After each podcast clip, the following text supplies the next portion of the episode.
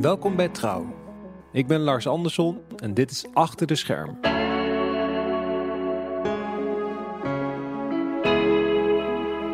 Vandaag praat ik met Trouw-hoofdredacteur Kees van der Laan. We zitten alweer in de vijfde week van de anderhalve meter economie. Thuiswerken is de norm geworden. Scholen zijn dicht. Vitale beroepen zoals zorg, brandweer en politie zijn uitgezonderd van de oproep van de regering. Net als media zoals Trouw. Toch is de redactie leeg en werkt een kernteam van maximaal vijf mensen hard aan het in elkaar zetten van de krant en de site. De redactie, die tot voor kort het kloppende hart van trouw was, waar snel beslissingen konden en moesten worden genomen, zit nu digitaal aan elkaar geknoopt via Google Hangouts. Hoe maak je zo'n radicale overstap? Wat verandert er aan zo'n redactie? Hoe maak je de belangrijke verhalen die, zo blijkt uit de groeicijfers, gretig worden gelezen? Omdat iedereen thuis werkt, bel ik met hoofdredacteur Kees van der Laan over hoe de redactie verandert als het coronavirus binnenvalt. Hallo, hi. Hey Kees, hi. Je spreekt met Lars. Fijn dat je even tijd voor me hebt. Ja, zeker, zeker. Laten we eens beginnen met uh, gewoon het, het begin. Um, ik probeerde eigenlijk al sinds uh, gisterochtend met jou een gesprek aan te knopen um, en, ja. en, een afspraak te maken, maar op de een of andere manier lukt dat steeds niet. Um, is, dat, Nee. is dat een van de nieuwe zekerheden in het bestaan van, van de redactie in tijden van corona? Dat alles onvoorspelbaar is? Ehm, dat zeker, maar tegelijkertijd zijn er heel veel afspraken extern weggevallen. Dus uh, je zou zeggen, je hebt meer tijd. Tegelijkertijd uh, vraagt de redactie, zeg maar als collectief, maar ook als, uh, ook als individueel persoon, meer tijd. dus je spreekt langer met elkaar, omdat het via de, de telefoon gaat of via de video. En dat kost gewoon meer tijd. Dus ik ga van de ene hangout in de andere hangout over. En dat gaat achter elkaar door. Ik, ik heb soms wel dat ik vijf uur achter elkaar in hangout zit. En dan uh, ook omdat je thuis werkt. Hè. Iedereen geeft advies. Beweeg wat. En dan blijkt dus gewoon dat je eigenlijk maar op één dag bij wijze van spreken nog geen 100 meter bewogen hebt. Dus omdat je zo achter elkaar doorgaat. Dus ik probeer nu ook wel momenten in te bouwen dat je even kan wandelen. Dus dit is even hoe jouw dag er nu uitziet, uh, begrijp ik. Jij leeft van hangout naar hangout. Ja. Wat doet dat met jou als hoofdredacteur? Hoe vul jij op een juiste manier die hangouts in? Nou, het, ik zeg wel eens van, je bent een kapitein op het schip, maar het schip is als een olievlek uiteengespat. Dus het schip is overal en dat maakt het zo ingewikkeld. Er is geen brug meer. de brug is virtueel geworden. En dat maakt het ook zo ingewikkeld en complex. En daarom ben je ook met van alles en nog wat achter elkaar bezig. Ook om continu mensen te blijven zien via video. Ik, ik video meer dan dat ik bel. Omdat dat toch persoonlijker is. En persoonlijk contact, dat werkt nog steeds het beste. En ik ben op een gegeven moment wel geradbraakt hoor. Net zoals iedereen. je bent op een gegeven moment helemaal zat van. Dus je wil ook dan even niet ook nog eens s'avonds tv kijken. Ik pak de kranten erbij, ik pak andere dingen erbij. Ik maak een wandeling. We zijn heel huiselijk ook geworden. Ik ben ineens weer met studerende kinderen thuis. Dus het is heel, de wereld is klein geworden. Enerzijds heel klein. En anderzijds, omdat dat schip als een olievlek uit elkaar gespat is, is die wereld overal. En dat maakt het ook wel intens, complex, boeiend. Ook spannend, omdat die krant uit moet komen. En we hadden bijvoorbeeld, dus om even te zeggen van ook dingen lukken niet. Wij hadden eind deze maand een opfris van de nieuwskrant en de verdieping gepland. in verband met het vertrek van Wim Boefink en Rob Schouten van de achterkant van de verdieping. We dachten nou dan doen we gelijk wat extra. nieuwe mensen op de achterkant, dat zijn onze tv-recensenten Bas en Bos. Maar we dachten, laten we ook de krant wat meer lijken op de site. Dus we gaan uh, elementen van de site introduceren in de krant. Nou, toen we dat uh, gisteren uh, via onze art director aan de eindredactie bekend maakten, nou was iedereen in rep en roer. En de boodschap was, wij kunnen dit, dat er nu niet bij hebben. Het is extreem zwaar werk. Dus toen hebben we ook maar besloten, dan stellen we die opfris uit zo gaat het. Dus dat is spannend. Snap ik. Hey, en en, en uh, je sorteerde eigenlijk al een beetje voor. Jij zit veel in die hangouts en je probeert mensen te ja. motiveren. Wat, wat, wat leeft er op dit moment bij de redacteur, bij de journalisten? Nou, je moet het even in twee partijen verdelen, ruwweg. Dat is de, de mensen van de inkant, de verslaggevers. Uh, die hun weg wel vinden, die het ook wel ingewikkeld vinden. En je hebt de uitkant, en dan praat je over de eindredacteuren, uh, de vormgevers en de mensen van beeld en illustraties en karto. En die laatste groep heeft het zwaarst. Uh, want die zitten in de avond, die produceren tegen een deadline. die mensen hebben te maken met hiccups in het systeem. QPS valt er steeds uit. moeten ze weer wachten thuis. Ze moeten heel veel communiceren met elkaar. Wat je normaal in een cirkel doet, uh, hè, wij hebben een cirkel op de redactievloer, die er overigens niet meer is, maar dat zometeen. Um, dan roep je van alles in elkaar. En nu moet je alles uh, ja, via Slack doen. Dat kost meer tijd en energie en is vermoeiender. En vertraagt. Ja, en, en welke rol neem jij dan in, in, die, in die situatie? Want hoe, hoe krijg jij mensen die normaal gesproken gewend zijn om met elkaar samen te werken, elkaar te zien, snel beslissingen te nemen?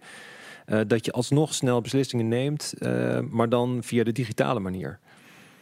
Ja, nou dat is niet zo ingewikkeld, omdat mij opvalt dat iedereen uh, zich bewust is van de situatie en heel snel zijn verantwoordelijkheid neemt en oppakt. Wat je wel ziet in algemene zin is dat wij misschien als hoofdredactie, maar ook als chefs wat directiever worden. Omdat je minder tijd hebt voor contemplatie en overleg. Of dat het lastig is in het overleg. Maar het valt mij in feite op dat dat wel meevalt. Hm. Eh, van hoe leg je het op? We hebben gezegd, jongens, we gaan thuiswerken. Nou, en toen dat uh, wat mondjesmaat ging, want mensen die hadden ook nog iets van ongelooflijk, eh, gaat het wel of niet? Hè? Is het serieus? Nee, dan moest je wat dwingender zijn.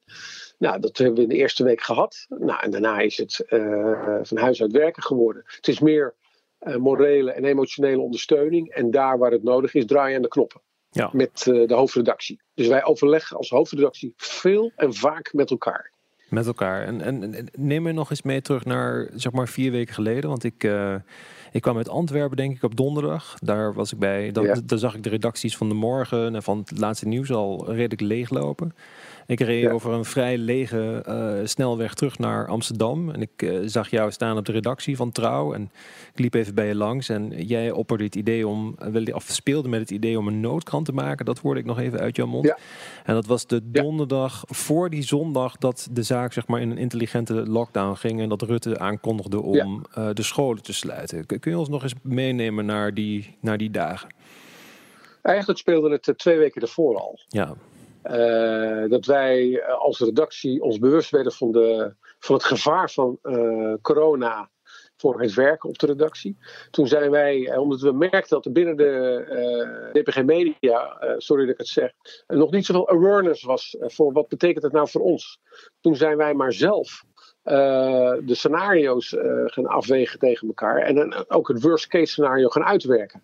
En het worst case scenario, dat was bij wijze van spreken een, eh, een, beslissing van de overheid of een, een, ziektegeval op de redactie of in het gebouw, dat we niet meer in het gebouw zouden kunnen werken op dat moment. En uh, toen hebben we dus ook echt letterlijk een, een noodeditie uh, uitgedacht, getekend en ook in schablonen opgeslagen. Ik heb het ook aan Philippe laten zien, Philippe Remark. Ja. toen ik dat Philippe ook mailde van hier zijn we mee bezig, dat was eigenlijk al twee weken voordat jij dat opmerkte, of toen ik dat opmerkte bij jou, of een week, dat weet ik niet precies. Toen werd er wel alarm geslagen van, hé, hey, wacht eens even.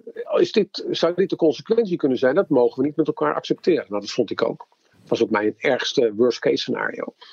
En vervolgens hebben we eendrachtig met de kranten in het INIT, uh, hebben we scenario's uitgewerkt, waarbij uh, uh, toch mensen ook op de redactie konden werken, maar een miniem aantal.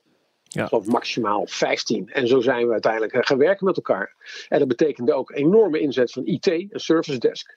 En uh, die gezamenlijke inspanning heeft ertoe uh, geleid dat we uiteindelijk toch uh, van de redactie af konden en van huis uit konden gaan werken. Maar we hadden een worst case scenario. Ja, ja. en nog even voor de volledigheid. Philippe Remark is de uitgever van Trouw. Klopt, ja.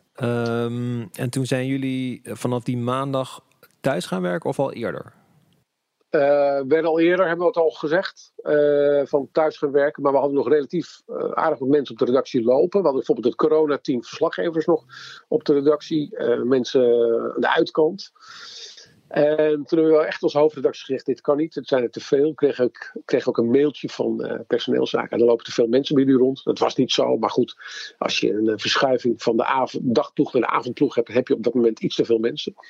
Uiteindelijk, ja, je mag geloof ik 15 mensen op de redactie hebben. Ik geloof dat er nu hoogstens vijf hebben rondlopen, zes, misschien zelfs iets te weinig nu.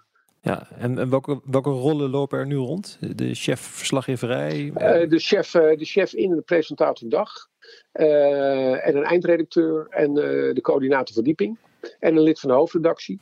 En s'avonds een, een chef uit, een presentator avond, een eindredacteur. En, de, en nog een eindredacteur en een vormgever. Ja, en jij werkt nu vanuit huis. Nu we dit gesprek hebben we vanuit huis eigenlijk. Ja, ik werk van huis uit. Ik heb me deze week uh, een quarantaine uh, moeten opleggen. Omdat ik wat verkouden was. Oh ja. en, en vermoeid. En dus ik dacht van, hey, nu moet ik een voorzorgsmaatregel nemen. Dat heb ik ook even overlegd met Esther Lammers en Martijn Roesing. De twee adjunct hoofdredacteuren van Trouw. Ja.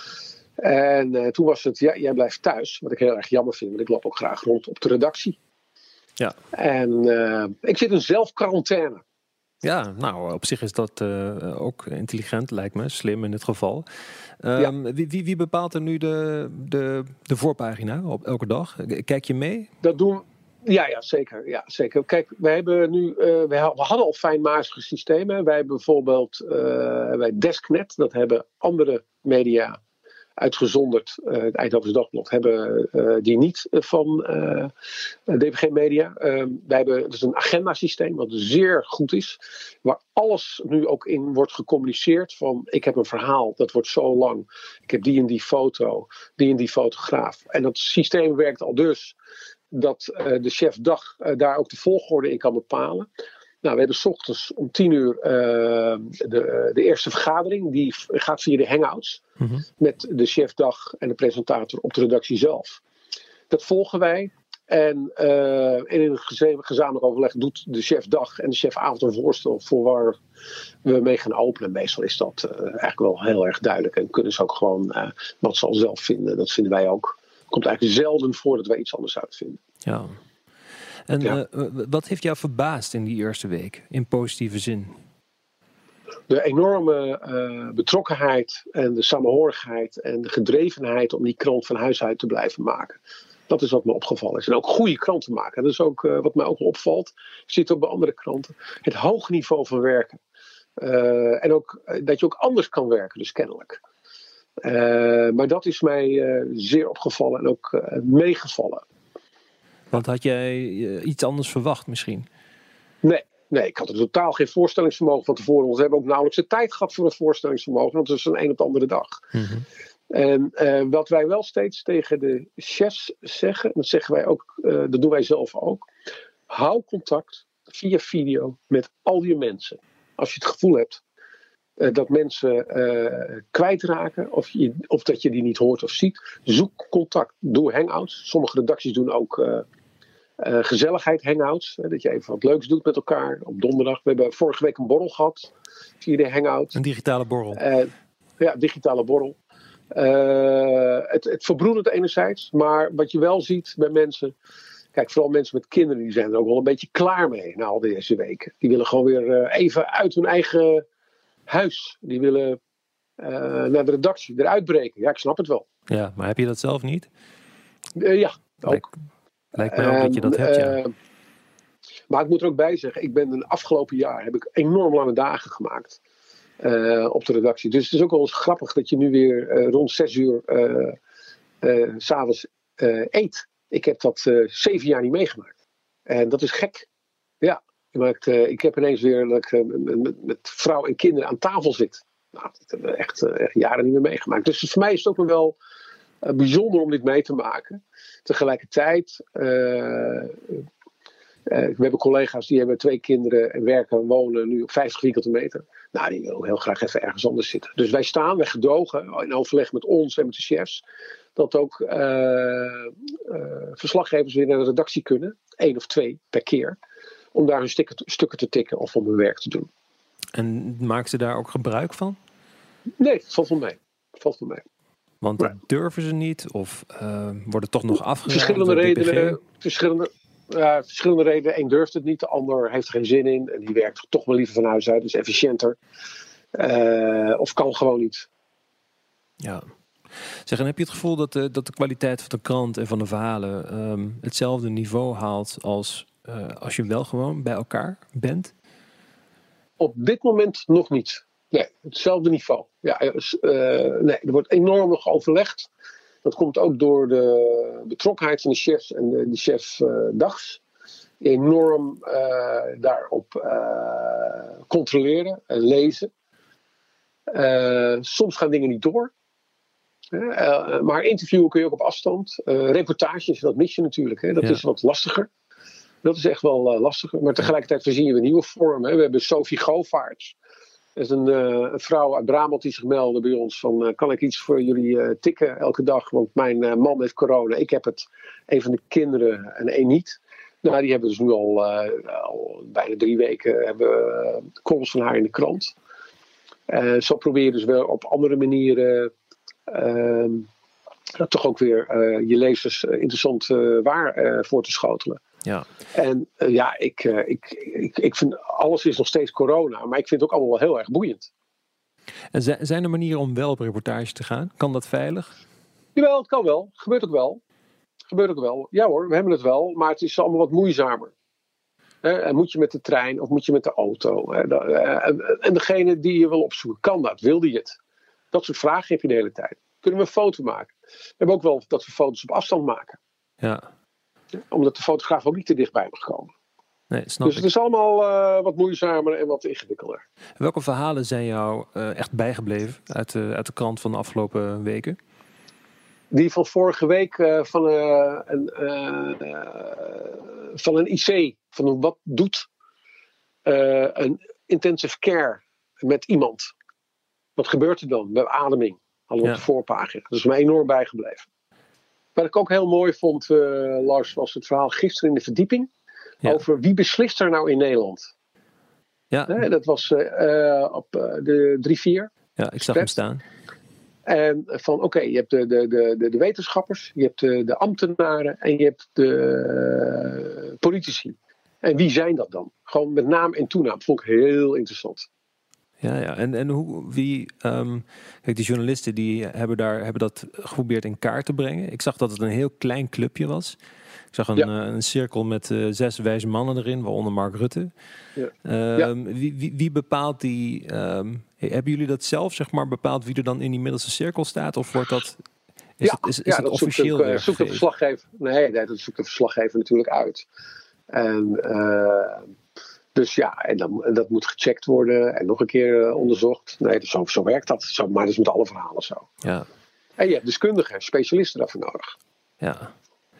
Um, wat is de rol op dit moment van, van uh, een medium zoals Trouw in, in, um, ja, in tijden van crisis? Het is, uh, er is een pandemie. Um, wat, wat, is er een, een, een rol die bijzonder is, die voor ons is weggelegd in jouw beleving? Ja. Voor kwaliteitsmedia als Trouw, Volkskrant, uh, Parool, uh, een betrouwbare partner zijn voor je lezers. Uh, kwalitatief goede verhalen maken. die krant is voor je lezers, zeker in deze tijd, een houvast, een adviseur die informeert en die ook helpt bij de meningsvorming. En die rust brengt ook voor de lezers. En dat doe je met wisselend succes natuurlijk. Hè, want de ene keer ben je wat uh, meer opgewonden dan de andere keer. Maar je bent een ankerpunt voor je lezers. En dat is zeer belangrijk. En dat merk je ook, dat we ook groeien in abonnementen. Dus kennelijk in deze onzekere tijden worden zeg maar, betrouwbare media ook nog meer vertrouwd dan, uh, dan andere media. Ja, we hebben het vooral digitaal. Hè? En digitaal zijn jullie 30, 40 procent, net zoals andere media, uh, omhoog ja. geschoten. Dus er is een enorme vraag naar um, goede, vra goede ja. verhalen. Um, ja, dus daarom was ik ook een, uh, een pertinent tegenstander van uh, de vraag of de stelling. Moeten we niet zoals de New York Times al onze corona-verhalen vrij gaan geven? Dus ja. achter de betaalmuur vandaan halen. En toen dacht ik bij mezelf, dit is toch ongelooflijk. wij zeggen altijd van begin af aan. voor kwaliteit moet je betalen. Ja. En, en, dan al die free riders, die krijgen dan al onze kwaliteitsverhalen uh, uh, gratis opgediend. Ik zeg nee, juist nu moeten we betaalmuren en moeten mensen abonnement op ons afsluiten. Juist ook om de lezers die wel een abonnement hebben en er ook voor betalen, ook in die zin ook uh, erbij te houden. Ja, nou ja, er valt op zich wel iets voor te zeggen dat, um, dat het een soort van geste is naar de lezers toe. Van dit is belangrijk. Iedereen moet uh, de mogelijkheid hebben, rijk en arm, om uh, volledig bij te blijven in, in de stroom van het nieuws. En daarom uh, stellen we vooral het coronanieuws stellen we open. Ja, daar ben ik het niet mee eens, omdat er zijn genoeg gratis media beschikbaar. Kijk, als er geen alternatief was, is het een ander verhaal. Maar er is nu.nl, er is nos.nl. er zijn van allerlei blogs beschikbaar voor mensen die niet willen betalen. dus er is een uitwijkmogelijkheid. Ja. En wat we wel doen is de live blog, hè, die is bij ons, die stellen we gratis beschikbaar. Ja, daar zijn jullie recent mee begonnen, hè? Ja, twee weken geleden alweer, denk ja. ik. Ja, en die doet het ja. erg goed, hoorde ik van de online redacteur. Ja, doet het erg goed, ja, klopt. Maar het is een hoop werk hoor, want je moet dus in feite, uh, zo rekenen we ook, een liveblog klinkt heel simpel, maar het zijn dus drie diensten van online redacteuren. Die dus van ochtends vroeg uh, op de dag en s'avonds die liveblog bijhouden. En dat doen ze erbij. Hè. Ja. Er komen ook nog andere dingen. Dus het is echt heel zwaar werk. Het is echt pittig. Ja. Zeg, hoe... Um ja, je kunt natuurlijk ook niet zo heel erg ver vooruit kijken. Maar wat, wat, wat gaat ons dit leren? Deze manier van werken? Uh, dat het heel goed mogelijk is.